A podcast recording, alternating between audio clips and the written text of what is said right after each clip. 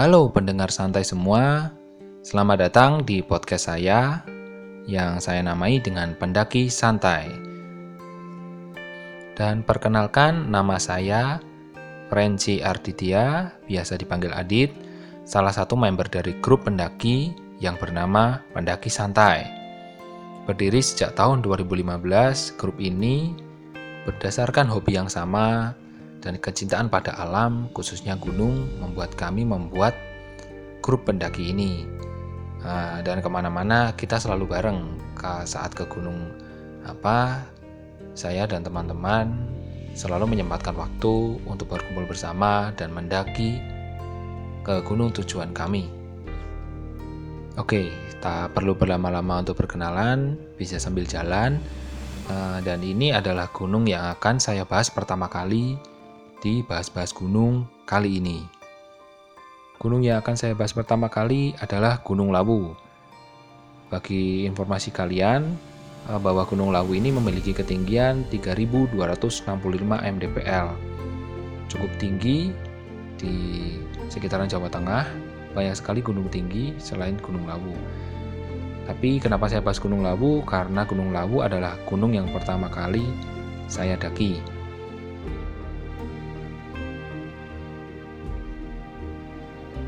Oke, tanpa berlama-lama langsung saja kita bahas dari base camp sampai ke pos 1. Oh iya, jalur yang akan saya bahas kali ini adalah jalur Cemor Kandang yang berada di Kabupaten Karanganyar atau tepatnya di Tawangmangu. Baiklah, dari mulai base camp sampai ke pos 1 eh, jalannya lumayan landai, jalannya itu lumayan enak ya untuk di kaki, tidak banyak menanjak santai sekali dan treknya dengan kontur tanah tidak menyiksa kaki seperti yang ada di Cemor Sewu. Kalau kalian sudah pernah mendaki ke Gunung Lawu via Cemor Sewu sebelumnya. Dan untuk Cemor Kandang ini karena jarak tempuhnya yang lumayan lama yaitu sekitar 8 sampai 10 jam maka siapkan visi kawan-kawan semua siapkan mental kawan-kawan semua, siapkan perbekalan, dan jangan sampai kehabisan bekal di tengah perjalanan nanti.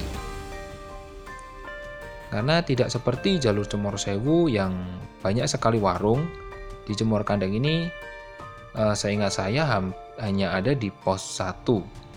Selepas itu tidak ada yang berjualan sama sekali. Jarak tempuh dari base camp sampai ke pos 1 dengan berjalan santai adalah satu jam perjalanan. Cukup jauh atau uh, ini ya untuk ukuran kalau ukuran trek yang landai ini memang cemor kandang agak jauh jadi mulai uh, menanjak itu mungkin sebelum sebelum pos 1 dan ini sebagai informasi kawan-kawan semua kalau kalian melewati sebelum pos 1 nanti akan ada di kanan jalan itu akan ada air terjun yang bernama Studio Alam. Dan di sana itu uh, pemandangan masih asri sekali treknya masih curam sekali karena saat sampai saat ini pun masih belum dibangun untuk akses jalan yang lebih baik. Tapi kalau kalian ke sana wah kalian akan terke terkejut dengan view alamnya. Atau kalian bisa cari di Instagram dulu dengan hashtag Air Terjun Studio Alam Tawangmangu. Mungkin udah banyak yang ke sana, mungkin udah banyak yang upload foto di sana.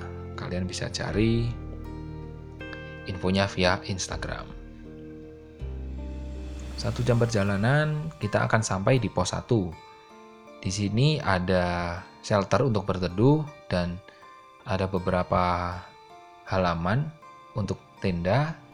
Muat untuk tenda itu sekitar 4 sampai 5 tenda akan muat di sini. Dan di sini ada warung dan mungkin ini adalah warung terakhir yang bisa kalian temui di jalur Cemor Kandang ini. Dan kita akan lanjut menuju pos 2. Pos 2 treknya masih sama, kita akan masuk ke dalam hutan belantara yang lebih tebal, lebih uh, apa ya lebih ini mungkin pohon-pohonnya itu lebih berdekatan, lebih lebat, dan jalur akan sedikit-sedikit menanjak, tapi tetap masih dalam uh, ukuran santai sih kalau menurut saya. Kalau untuk treknya sendiri masih sama tanah dan juga sedikit berbatuan dan mungkin ada akar-akar pohon yang bisa kalian temui di sepanjang jalur yang digunakan untuk pijakan. Jalurnya akan jelas sekali menuju pos 2 dan waktu tempuhnya adalah sekitar 60 menit juga. Jadi jalan landai sedikit, menanjak sedikit, lalu landai lagi dan e, untuk perbedaannya sendiri ada di e, banyaknya ulat yang jatuh ketika musim penghujan tiba. Jadi kalian harus hati-hati.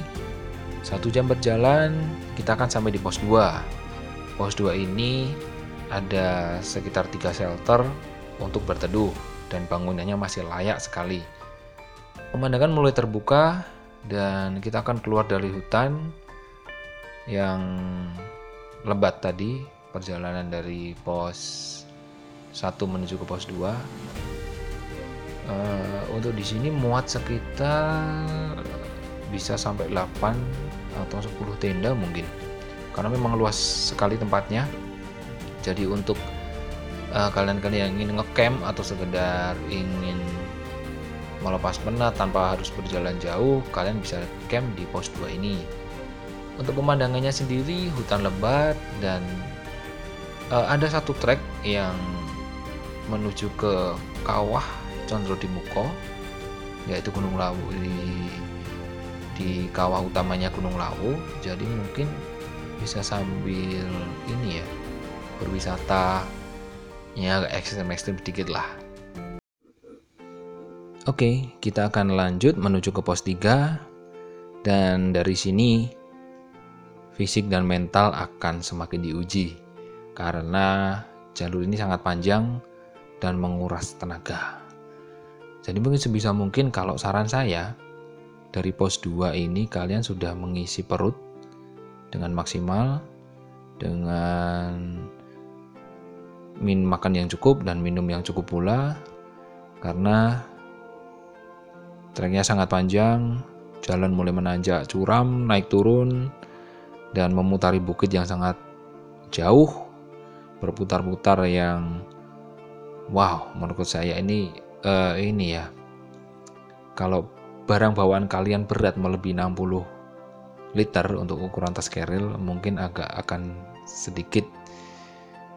Uh, bukan sedikit ya mungkin banyak ya.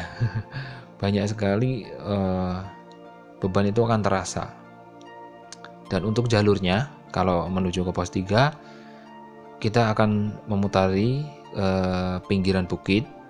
Jadi kita akan keluar dari hutan kita akan masuk ke padang ilalang yang sangat tinggi-tinggi sekali.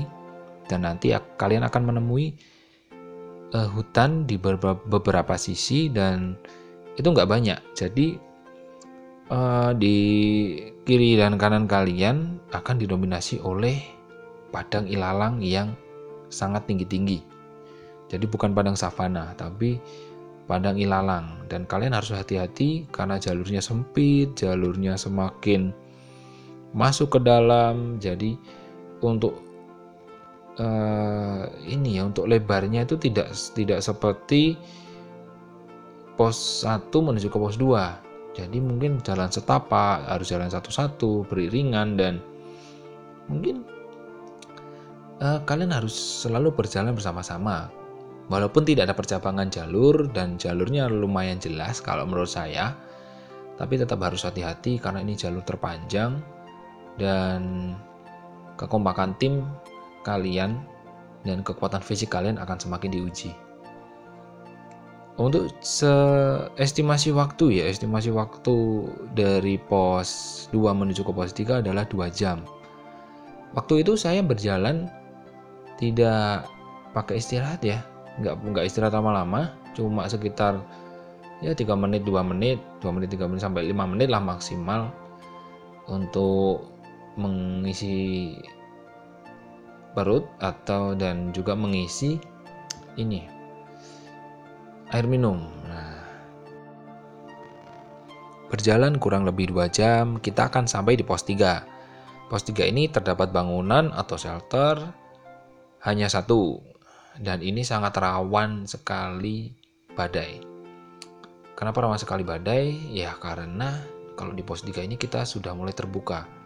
Kita ada di pinggiran bukit, jadi semua akan terlihat jelas kalau tidak terkabut. Tidak ada kabut yang melintas, kita akan melihat jelas uh, perbukitan Gunung Lawu dari pos 3 ini. Karena uh, posisinya itu masih ada di pinggiran, jadi nggak nggak masuk ke dalam ke hutan atau ke kayak seperti tadi dilengkapi oleh pohon, pohon besar di pos-pos 1 atau pos 2 tadi. Jadi pos 3 ini mungkin akan sangat rawan sekali angin. Jadi kalau menurut saya ini tidak disarankan untuk ngecamp di pos 3. Karena memang areanya ini adalah area angin ya. Jadi mungkin angin ini akan berembus dari bawah, dari atas dan mungkin kita akan diterpa kalau nyari badai atau musim hujan ini nanti akan jadi sangat ekstrim sekali. Jadi mungkin untuk kawan-kawan eh, persiapkan safety kalian, persiapkan uh, untuk alat pendakian kalian supaya kalian benar-benar aman untuk melewati di pos 3 ini. Oke, kita akan lanjut menuju pos 4 setelah beristirahat kurang lebih kalau saya dulu ini agak lama ya mungkin ya karena lapar dan juga uh, kami makan dulu. Jadi mungkin sekitar 15 menit kami beristirahat dan lanjut menuju ke pos 4 dan ini adalah trek yang paling ekstrim menurut saya. Dari segi kontur tanahnya dari segi panjang perjalanannya dari segi keamanannya wah ini sangat menguji fisik apalagi mental ya. Kalau fisik mungkin masih bisa dinegosiasi dengan tubuh kita banyakin vitamin, kita banyakin makan, kita banyakin minum, itu mungkin masih bisa masih bisa di push lah atau ditekan lah kayak gitu. Tapi kalau soal masalah mental, waduh, susah bos. Jadi kalau uh, untuk jalurnya, uh, untuk jalur dari pos 3 menuju ke pos 4 sudah mulai berubah dari tanah yang benar-benar tanah, kontur tanah empuk, kita akan memasuki tanah bercampur bebatuan. Ada juga nanti kalau kalian sudah berjalan sekitar setengah jam, nanti mulai tampak batu-batu belerang kecil, yang besar juga ada. Tapi view-nya dari sepanjang jalur ini, kalau menurut saya, wah ini oke sekali ya. Jadi kita akan melihat view yang, wah kita akan di pinggiran bukit, kita akan memutari bukit yang sangat panjang. Kita akan memutari padang ilalang, padang pohon-pohon kecil. Jadi mungkin ini sudah jalurnya sudah mulai terbuka. Dan ini kalau menurut saya, ini kalau ada angin yang besar, kita itu memang harus sangat ekstra hati-hati. Karena jalur akan berubah jadi licin. Karena ini batu, batu-batu kecil batu-batu belerang, batu-batu seperti batu apung mungkin ya kalau menurut saya. Dan selepas kita sampai di tanjakan terakhir setelah kita memutari bukit yang ratusan kali kelok mungkin kalau kalau penggambaran saya kita akan lanjut ke sebuah tanjakan jalur terberat antara pos 3 menuju ke pos 4. Dan mungkin tanjakan terakhir ini yang membuat hampir saya desperate atau putus asa. Karena memang wow tinggi sekali pemirsa. Tidak tidak saya bayangkan sebelumnya karena itu kita pertama kali lewat jalur Cemoro Kandang dan disuguhi view yang luar biasa, disuguhi tanjakan pula yang luar biasa. Hampir saya mengira saat itu, oh ini udah puncak nih, kayak gitu. Aduh. Karena sudah bau belerang sudah seperti trek yang ke puncak lewat tapi lewat Cemor Sewu. Dan juga trek yang sangat-sangat ekstrim sekali ininya. Uh, apa namanya? Untuk perjalanannya jalurnya. Nah sangat licin sekali batu-batu kecil batu-batu berbau belerang. Dan di sini visi kalian visi kawan-kawan kawan pendengar akan sangat-sangat dibutuhkan. Jadi mungkin tapi kalau kalian sudah sudah mencapai ke pos 4 wah pandangan kalian akan terpuaskan. Karena ini adalah pos terindah Gunung Lawu via Cemor Kandang. Di sini terdapat satu bangunan untuk berteduh dan juga di depannya itu padang sabana yang kecil tapi sangat bersih sekali. Rumput-rumputnya tumbuh beraturan dan view-nya itu kalau nggak kabut ya itu langsung kalau di sini sunset wah indah sekali bro kalau sunrise pun pasti juga indah karena ini pos di tengah-tengah antara e, perbukitan di sebelum puncak Hargo Dumila. Karena ini e, pos ini kalau menurut saya sangat nyaman sekali untuk beristirahat. Gitu. Kalau kalau kalian sudah sampai di pos 4-nya dan di sabananya ini, sabana kecil ini di depan pos 4 bisa muat sekitar oh banyak sekali 20 tenda mungkin saya bisa muat di sini. Mungkin ini juga favorit uh, spot favorit para pendaki yang lewat Cemor Kandang.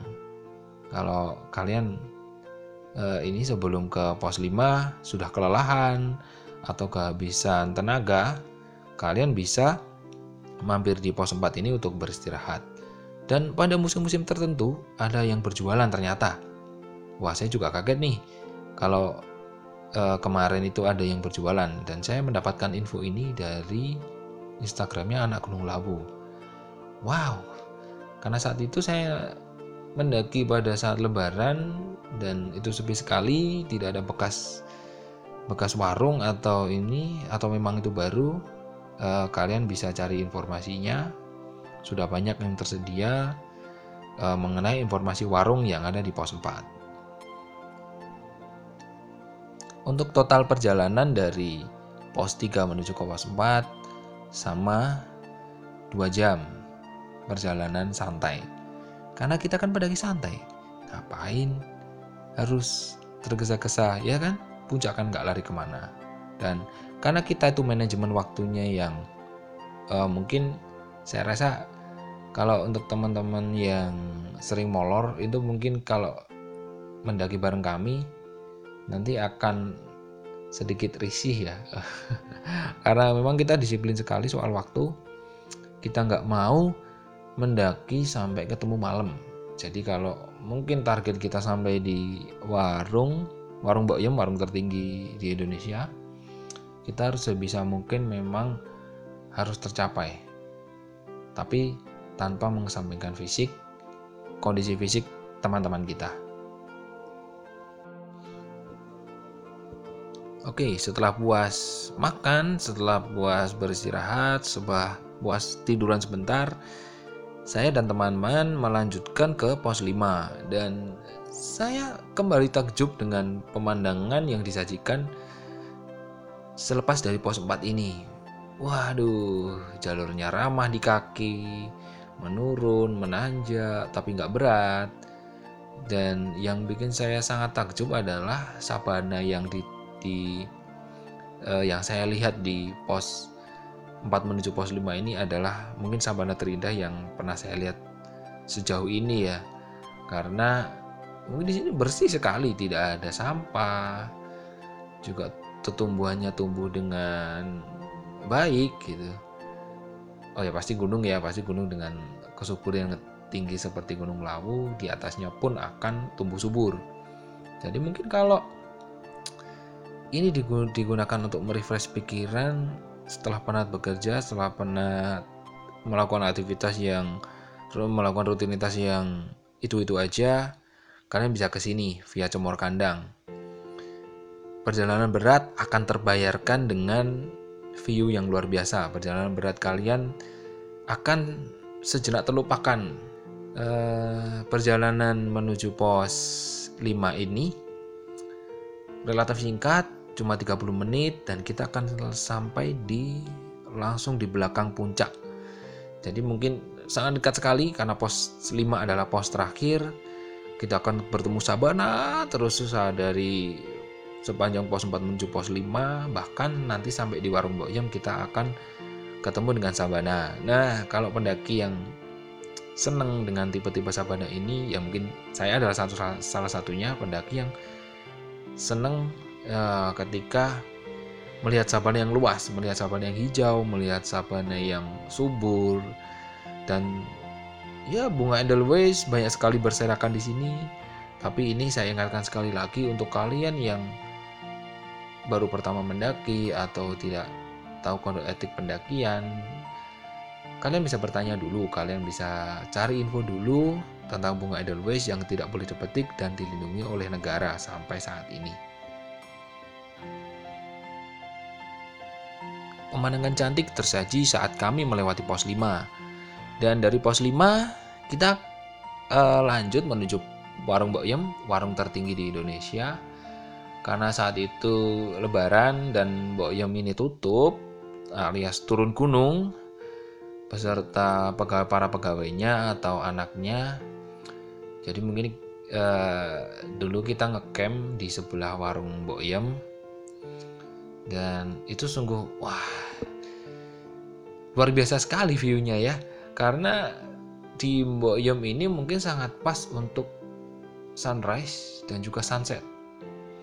Eh, kenapa saya bilang begini? Karena kalau di warung Boyem itu sunrise-nya akan langsung di depan mata kalian saat kalian membuka tenda dan sunrise-nya akan membelakangi sehingga uh, ini tidak begitu panas gitu. Karena ini memang sudah sabana, sudah lapangan terbuka. Jadi mungkin kalau siang akan terasa sekali panasnya walaupun cuaca yang sebenarnya dingin.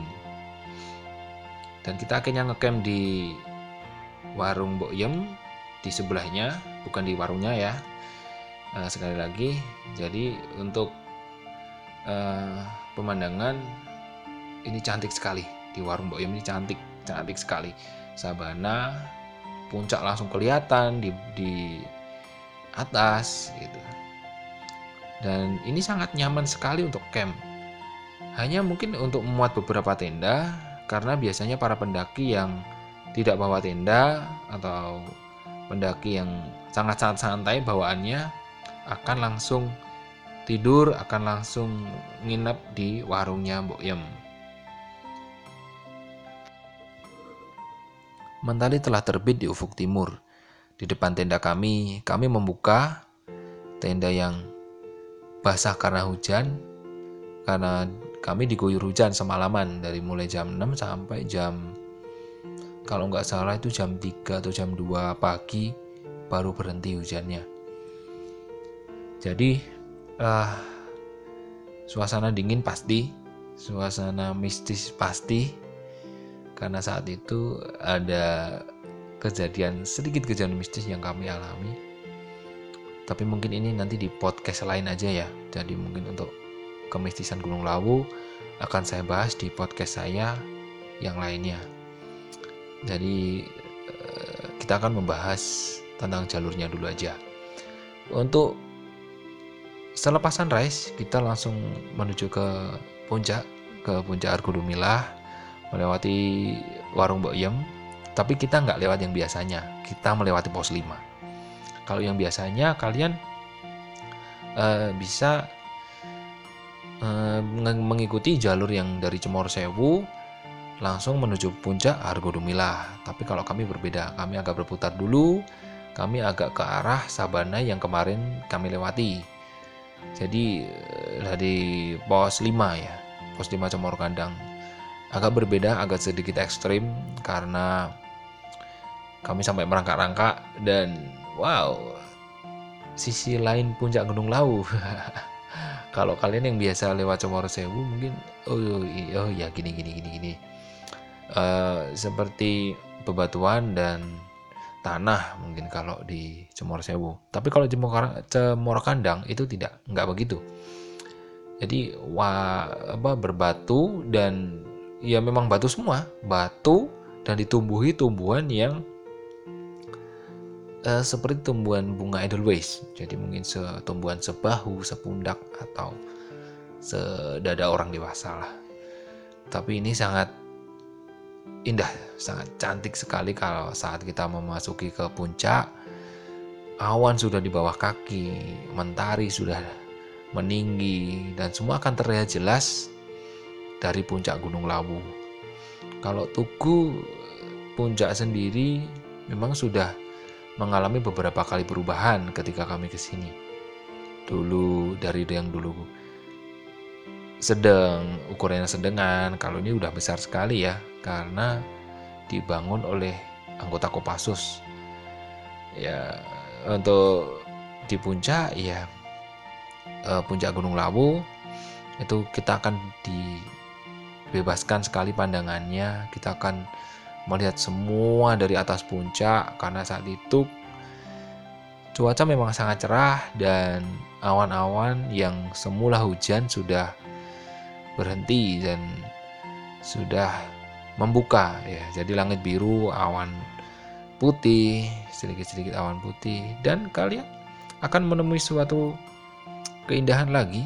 Kalau kalian uh, istilahnya melipir atau berjalan kembali menuju ke bukit yang ada di sebelah puncak. Nah, nanti itu sangat kelihatan sekali. Jadi kalian mungkin nanti explore lah, butuh explore ke sana karena menurut saya di bukit itu pemandangan jauh lebih cantik daripada kita yang di puncak Gunung Lawu. Keindahan Gunung Lawu sebenarnya ada di bukit yang sedikit di bawah puncak itu. Karena ya kalian kalau kalian ke sana pasti nanti akan mengetahui seberapa excited saya ketika saya sampai di sana. Sampai di puncak, perjalanan kami tidak berhenti sampai di situ. Kami harus turun, tapi kami akan melewati jalur Cemor Sewu. E, mungkin kalau untuk jalur Cemor Sewu, karena terlalu, sudah terlalu panjang podcastnya, akan saya bahas di lain kesempatan. Kalau uh, nanti para pendengar santai uh, berkunjung ke Gunung Lawu baiklah baik baiknya ya kita coba beberapa jalur yang jarang sekali dilewati pendaki atau uh, jalur resmi yang pendaki nggak banyak yang lewat di situ. Karena kalau kebanyakan pendaki kan lewat jalur Cemor Sewu ya menurut saya mungkin itu akan sedikit uh, membosankan ya kalau sebelum sampai ke pos 4 karena view-nya akan sama terus hutan terus batu terus tapi kalau di Jemor Kandang ini wah kita sangat dipuaskan karena ya memang perjalanan panjang sampai 8 sampai 10 jam. Tapi untuk view-nya akan sangat terbayar sekali ya karena untuk uh, karena usaha yang begitu keras, usaha yang begitu panjang akan menghasilkan sesuatu keindahan yang akan kita temui di puncak nanti. Oke, mungkin cukup segini uh, untuk bahas-bahas gunung kali ini. Untuk podcast selanjutnya, mungkin saya akan bahas gunung lain yang sudah saya daki sebelumnya, dan saya akan menyampaikan uh, pesan yang mungkin kode etik lah ya ini? Kode etik para pendaki. Jangan mengambil apa pun kecuali gambar jangan membunuh memburu apa pun kecuali waktu. Jangan meninggalkan apa pun kecuali jejak. Salam pendak salam petai pendaki santai. Bye bye